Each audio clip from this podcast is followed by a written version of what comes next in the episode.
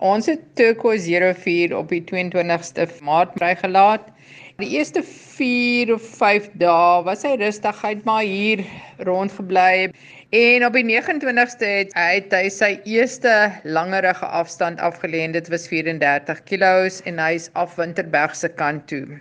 En toe hier op die 5de van April het hy begine beweeg verby Terkestad op na Hofmeyer se kant toe en dan stadig aan deur die Stormberg op deur Zastron en op die ouend oor Lesotho na die die Kroonstad gebied, daai gedeelte waar ek weet daar's leeuplase, so hy daar bietjie vertoef en toe hy nou op beweeg Belfast se kant toe.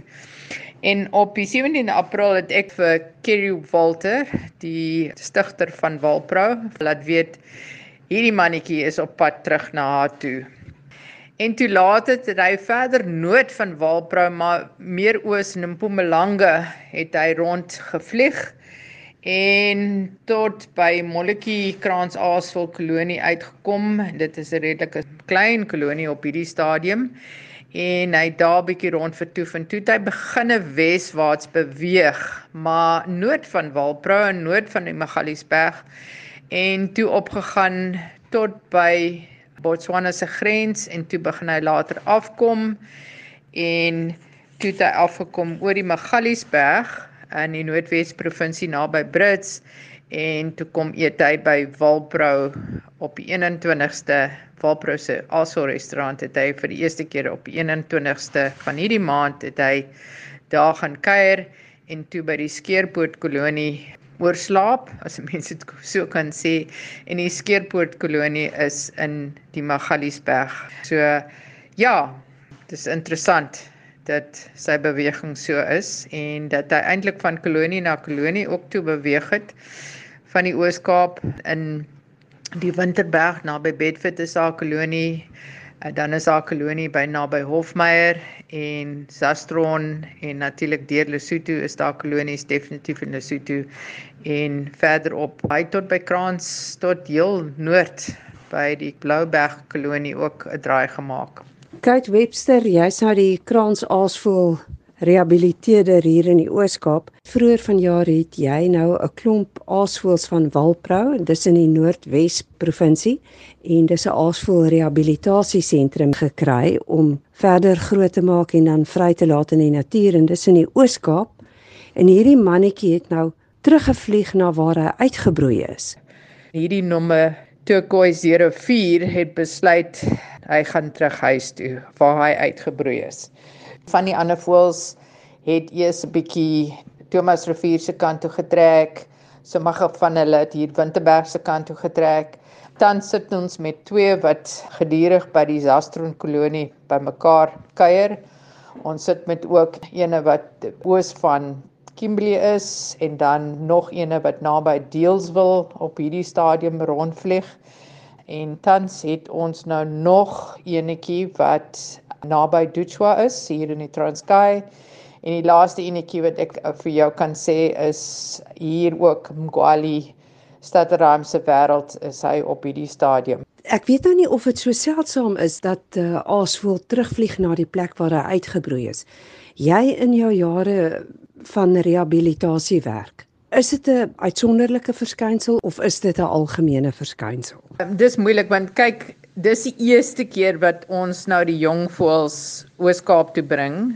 Um ek wou 'n bietjie die agtergrond van die spesifieke voël weet want hierdie voël is in aanhouding uitgebroei en hy is toe per voertuig al die pad Oos-Kaap toe gebring 'n hele dag se vervoer saam met nege ander voëls miskien is dit 'n ingeboude gene in in die voëls ons weet nie maar dit is baie interessant om te sien dat hy na 3 maande weer sy uitbroeiplek gevind het Sy ouers is albei kykens van vroeër wat by Walpra uitgebroei het en hulle het nooit weggevlieg en hulle het gepaar en hulle het hierdie kleintjie uitgebroei.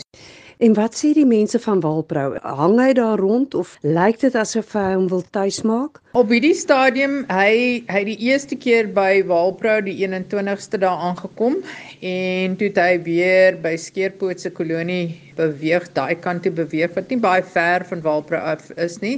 So mense sal nou sien of hy daar gaan bly of nie twee van die ander voëls wat ek ook hier vrygelaat het. Die enetjie het eers suidwaarts Winterberg se kant toe beweeg en op 'n stadium hier weer verbygekom, maar nie lank vertoef nie en toe weer aanbeweeg. So ons kan op hierdie stadium nie eintlik 'n antwoord gee nie. Dit sal interessant wees om te sien wat gaan gebeur vorentoe. Maar julle gaan seker hierdie turquoise 04 nou verder monitor. Kan hy nie maar 'n naam kry nie? Dit voel vir my hierdie ouetjie het 'n naam nodig soos vasbyt of keer weer of so iets. Maristka baie goeie ene. Maar wensie feit dat daar so baie van hulle was. Ons het net gewerk op die kleur van die ringband wat ons om die been sit. Maar hy kan 'n naam kry as as iemand anders 'n naam vir hom wil gee of jy 'n naam vir hom wil gee. En ja, definitief, die GPS gaan vir ons wys wat hy gaan doen ons monitor almal van hulle. En interessant genoeg hierdie toestel wat ons op hierdie mannetjie sit kan ons eintlik elke dag lees wat is. Die afstand wat hy vlieg in 'n dag. Die afstande kan wissel van 0.4 of 0.8 tot uh, sy hoogste is 267 km op 'n dag. Mense moet net onthou dis nie afstand lineêr, dit is die afstand wat hy vlieg. So hy kan rondvlieg in 'n sirkel, maar hy kan nog 267 km in 'n dag af lê. Wat eet hulle terwyl hulle so rondvlieg?